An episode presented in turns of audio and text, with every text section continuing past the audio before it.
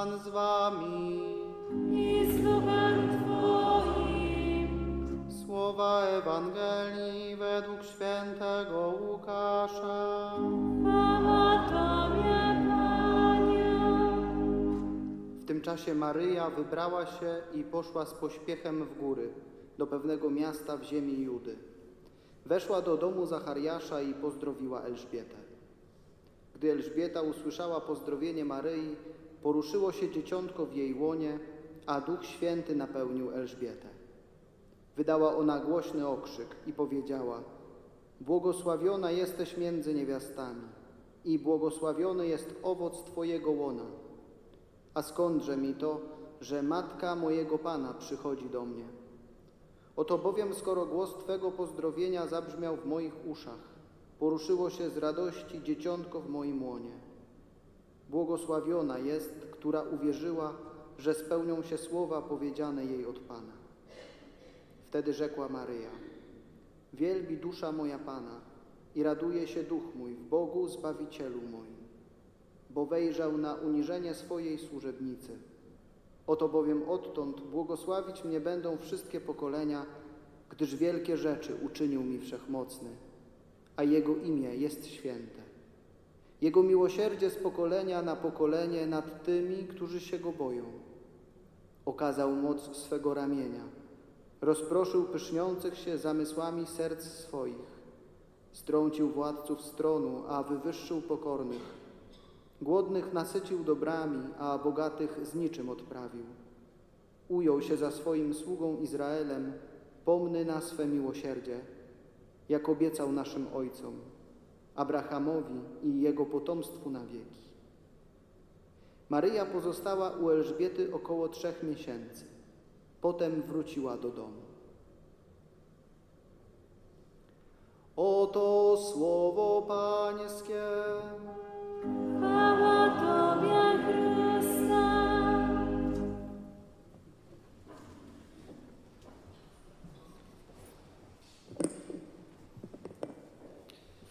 O szlachetna dziewico, prawdziwie przewyższasz wielkością wszystko, co wielkie. Któż bowiem dorówna Twej wielkości, o miejsce zamieszkania Boga Słowa, o arko nowego przymierza, odziana w czystość zamiast złota.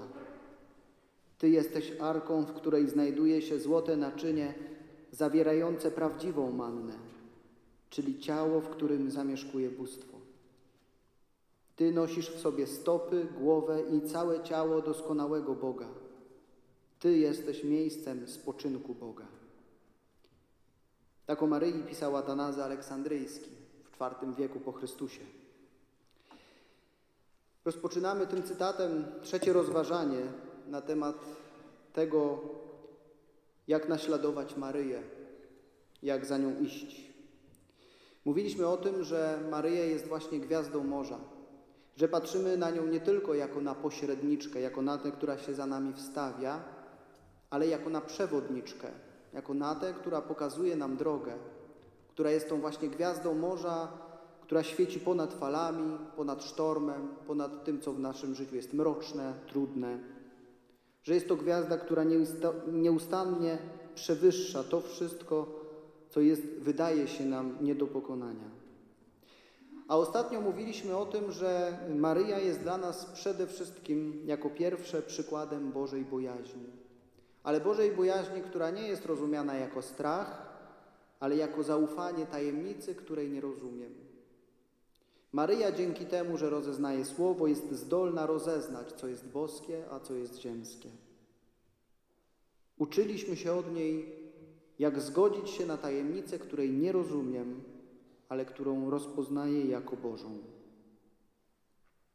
I dzisiaj chcemy cofnąć się trochę w czasie, zanim e, spróbujemy rozważyć, jaki przykład daje nam Maryja też w dzisiejszym słowie żebyśmy zrozumieli w ogóle, czym była Arka Przymierza. Bo mamy tutaj na jednym właśnie z wizerunków Maryi Arkę Przymierza. Śpiewamy o niej w litanii loretańskiej. Dlaczego? Czym zatem była Arka Przymierza? Arka Przymierza była przede wszystkim skrzynią. Skrzynią z akacjowego drewna, pokrytą szczerym złotem wewnątrz i zewnątrz. Posiadała takie drążki, dzięki którym można było tę arkę przynosić z miejsca na miejsce. To będzie dla nas też ważne. A na arce znajdowała się przebłagalnia, czyli to była taka płyta, na której stały dwa cheruby. I właśnie na tej przebłagalni, ta przebłagalnia była takim miejscem, w którym człowiek konsultował się z Bogiem, w którym człowiek też e, za swoje grzechy mógł przeprosić. To było takie miejsce Bożego przebaczenia. E, I to miejsce, ta Arka Przymierza była dla Izraelitów takim miejscem, jakim jest dla nas dzisiaj tabernakulum, miejscem Bożej obecności. Słowo Boże mówi właśnie, że kiedy Bóg przychodził do Izraelitów, to właśnie jak obłok stępował do świętego świętych, do tego namiotu spotkania. Zresztą tabernakulum to właśnie namiot e, z języka łacińskiego. Dlatego y, dziś tak nazywamy właśnie tabernakulum, jako miejsce obecności Boga. Ale to, co jest dla nas bardzo ważne, żebyśmy mogli później zrozumieć e, naszą dalszą część rozważań, to to, co znajdowało się w arce. W Arce Przymierza znajdowały się trzy rzeczy. Pierwszą rzeczą było świadectwo Boga, a więc dziesięć przykazań, dekalog, dwie kamienne tablice. Drugim przedmiotem było naczynie z manną. Z tą manną, którą Izraelici otrzymali, kiedy szli do ziemi obiecanej jako pokarm. I trzecią, trzecim przedmiotem była y, laska Aarona. Laska Aarona, która oznaczała wybranie jego ludu, jego rodu e, na ród kapłański. I te trzy elementy e, zapamiętajcie, one nam się jeszcze przydadzą. Natomiast ważne jest też to, z czego ta arka była stworzona, z czego była wykonana. Zgodnie z tym, co Pan Bóg oczekiwał, co o czym możemy przeczytać w Księdze Wyjścia, arka była wykonana z drzewa akacjowego. Akacja była drzewem bardzo ważnym, bardzo ważnym dla całego kręgu semickiego, także dla Egiptu. To było święte, trwałe drzewo. Drzewo, które było odporne na to, żeby się psuć. Ono się nie psuło, było bardzo wytrzymałe. Z kolei złoto, z którym była Arka Przymierza okryta z każdej strony, zarówno zewnątrz, jak i zewnątrz, wewnątrz, było wolne od zanieczyszczeń, najczystsze. Ono miało oznaczać właśnie tą świętość Arki, tą nienaruszalność Arki. I w końcu ten obłok. Obłok, który stępuje na arkę jako znak Bożej obecności. E, I ten obłok może nam się skojarzyć z tym, o czym mówiliśmy ostatnio, kiedy Maryja w czasie zwiastowania słyszy od anioła moc Najwyższego osłonić. To osłonięcie mocy Bożej jest dokładnie tym samym słowem w języku greckim, które mówi o obłoku, który spoczywa na arce. Używane jest tam słowo episkazjo, czyli dosłownie spoczywa, spoczywa na Tobie. Moc Najwyższego spocznie na Tobie, tak jak obłok spoczywał na arce. I to połączenie, ono nas prowadzi właśnie ku temu, by zrozumieć, że Maryja jest nową Arką Przymierza. Jak to możliwe? Jak być może wiecie, w momencie, kiedy zburzono świątynię jerozolimską, e, zniknęła z niej również Arka, Arka Przymierza. Nie wiemy, gdzie jest, nie wiemy, co się z nią stało, ale to, co wiemy na pewno, to to, że od momentu tego zniknięcia w jerozolimskiej świątyni, także tej później odbudowanej przez Salomona, nie było ani arki, a co za tym idzie, ani obłoku. Izraelici zatem żyli w świątyni, w której nie mieli znaku Bożej obecności. I tak było też za czasów Chrystusa. Świątyni nie było znaku Bożej obecności.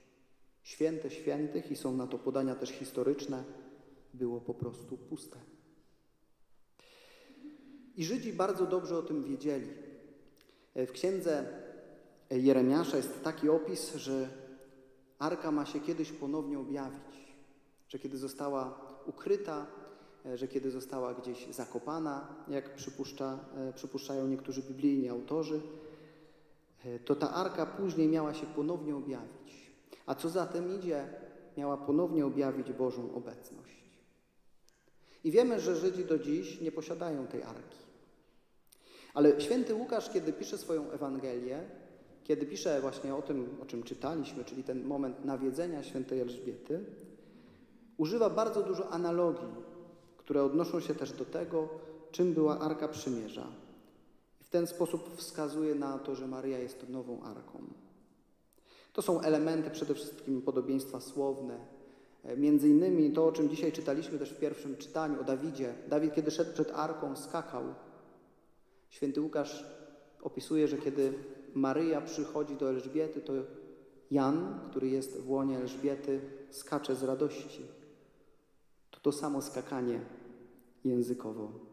I takich przykładów jest dużo, można by je mnożyć. Chociażby te trzy miesiące, które Maryja pozostała u Elżbiety i trzy miesiące, które Arka powracała na swoje miejsce w Księdze Wyjścia.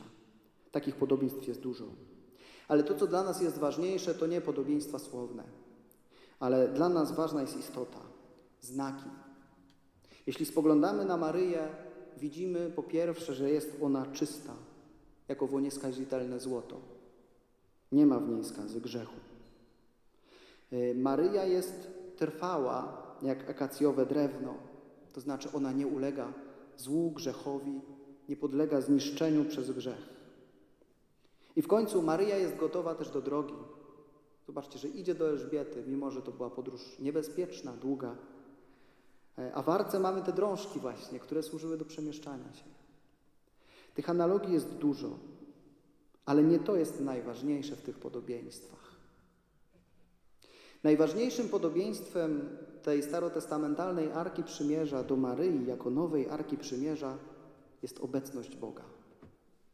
Arka była obecnością Boga wśród Izraelitów. I tą samą obecnością Boga Bóg zaszczyca Maryję, zamieszkuje w niej. Bóg jakby zabiera te kamienne tablice z tej Arki Przymierza, by w nowej Arce Przymierza dać żywe ciało. Tym żywym ciałem jest Jezus. Nasuwa się takie skojarzenie z księgi Izajasza, jeśli dobrze pamiętam, z księgi Izajasza. Zabiorę wam serca kamienne, a dam wam serca z ciała. Ozeasz? Ezechiel. O, przepraszam, Ezechiel. Zabiorę wam serca kamienne, a dam wam serca z ciała. Bóg zabiera to, co kamienne, Bóg zabiera te dwa kamienie, by dać to, co żywe i daje ciało samego Boga, samego Chrystusa. Zatem, co nam mówi Maryja, co pokazuje nam Maryja, jakimi mamy zatem się stać?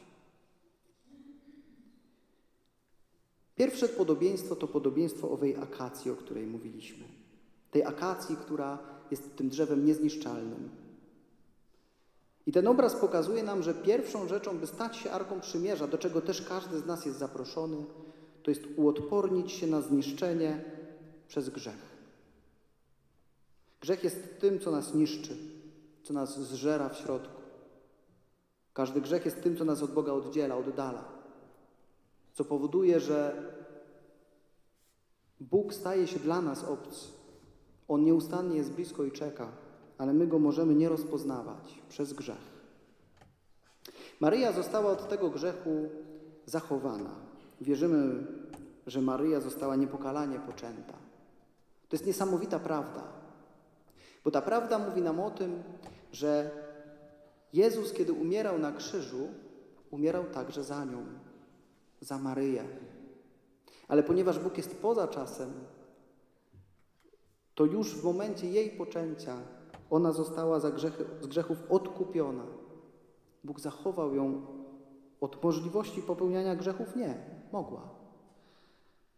Ale sprawił, że jej serce było tak czyste, było tak nieskazitelne, że po prostu nie dopuszczała w ogóle takiej możliwości.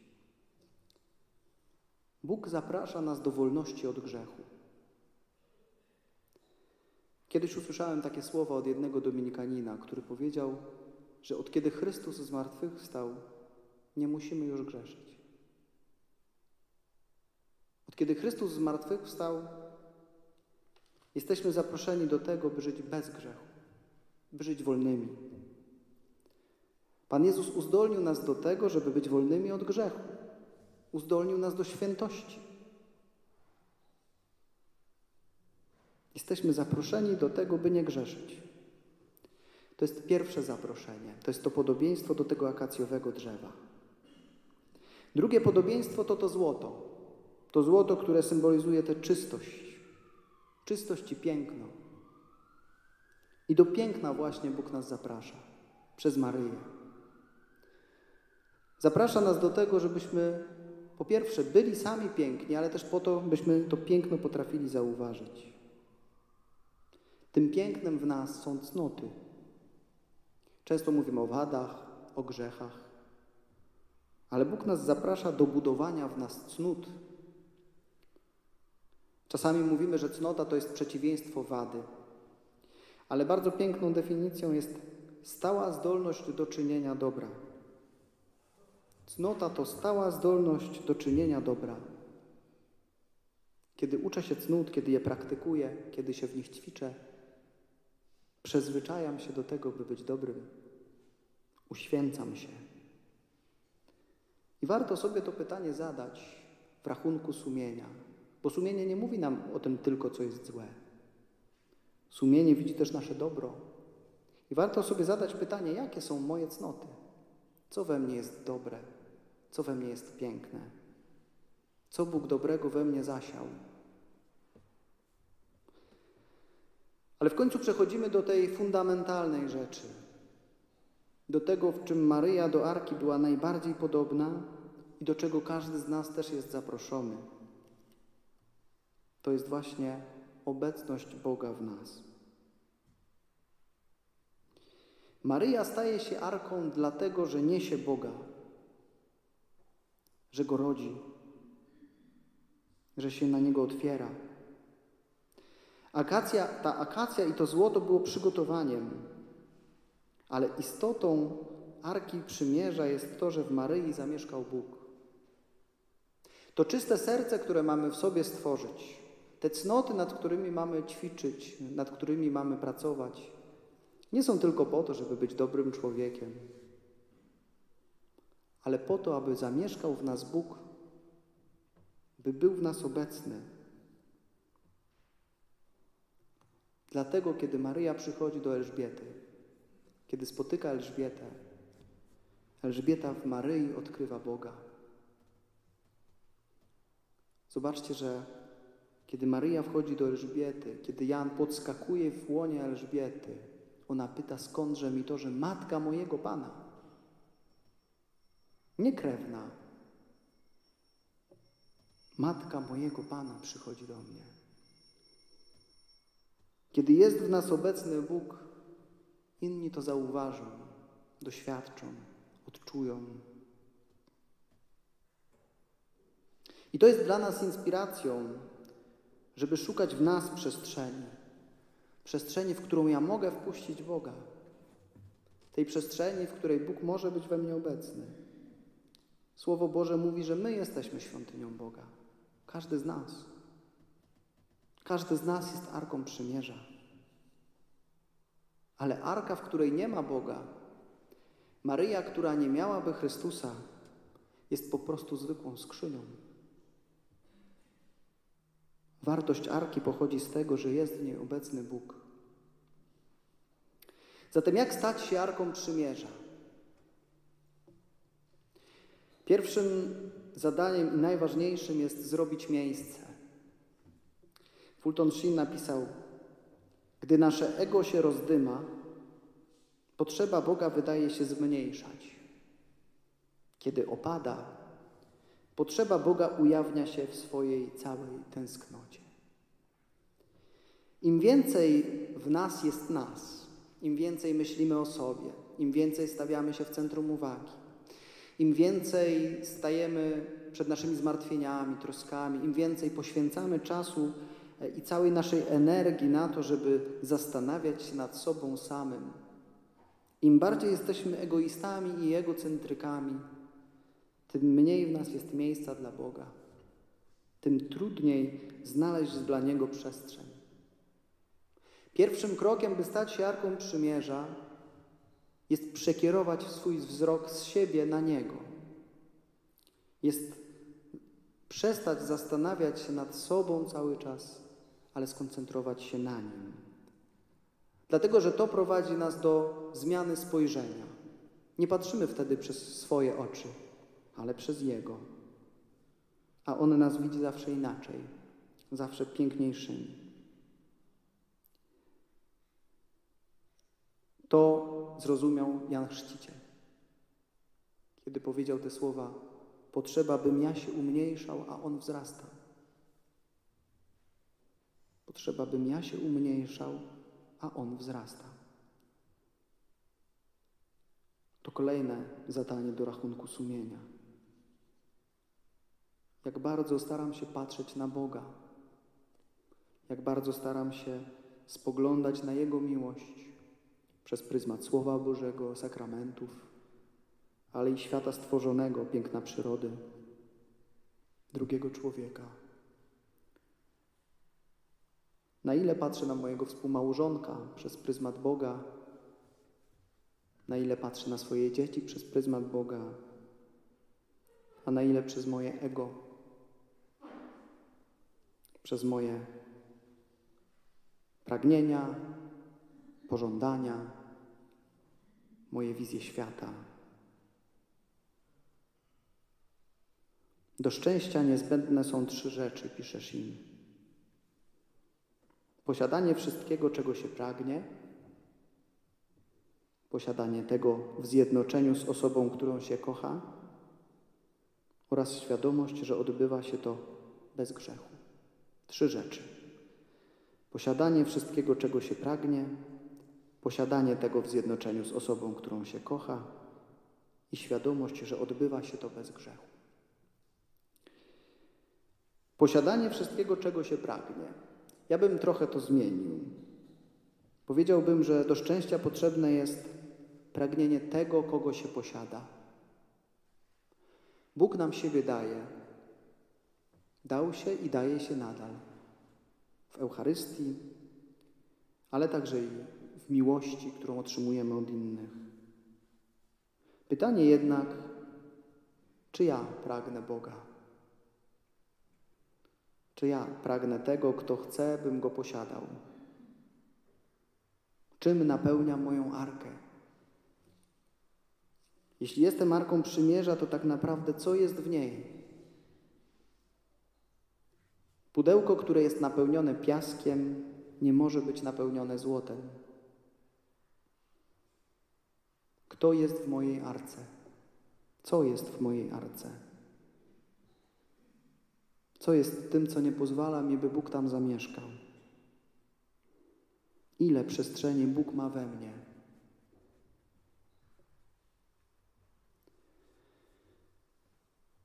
Bóg szukał w świecie pustego serca. Tak pisze też Shin. Ale nie samotnego. Serca pustego jak flet, na którym mógłby zagrać melodię. Pan Jezus opowiada w pewnym miejscu taką przypowieść o siedmiu złych duchach, które zamieszkają, zamieszkują ludzkie serce, robią tam ogromny bałagan i kiedy z niego wychodzą, idą na pustynię. W sercu zapanowuje porządek, a te siedem złych duchów wraca i widząc, że serce jest puste, wchodzi, ale czyste, uporządkowane, wchodzi do niego z powrotem. Oprócz tego, że serce oczyszczamy, musimy je wypełnić, napełnić złotem, napełnić właśnie Bogiem, Jego Słowem, Jego sakramentami. Czym się karmię na co dzień? Czy sięgam po Słowo Boże? Czy sięgam po to Słowo tego, który tak bardzo mnie ukochał, że chce, bym stał się arką przymierza?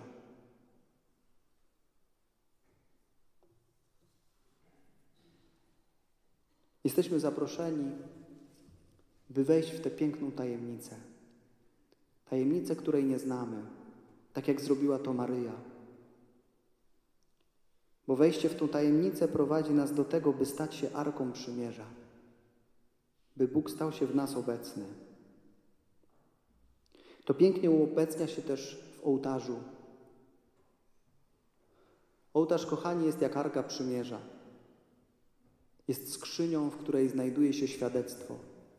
Tym świadectwem są relikwie świętych, męczenników. A na tym świadectwie, na tych relikwiach położona jest mensa ołtarzowa. To jest ta przebłagalnia, na której Chrystus składa przed Ojcem ofiarę, by Go przebłagać za nasze grzechy. I jak spoglądamy do Słowa Bożego i porównujemy starotestamentalną Księgę Wyjścia z nowotestamentalnym listem do Rzymian, to widzimy, że obaj autorzy opisują właśnie przebłagalnie ze Starego Testamentu i Chrystusa z Nowego Testamentu tym samym słowem. To jest słowo hilasterion. Przebłagalnia.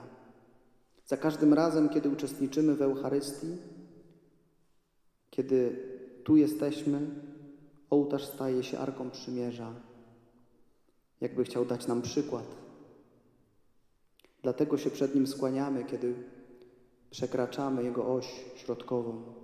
Z tego właśnie względu, że on nam przypomina o tym, co się na nim dzieje.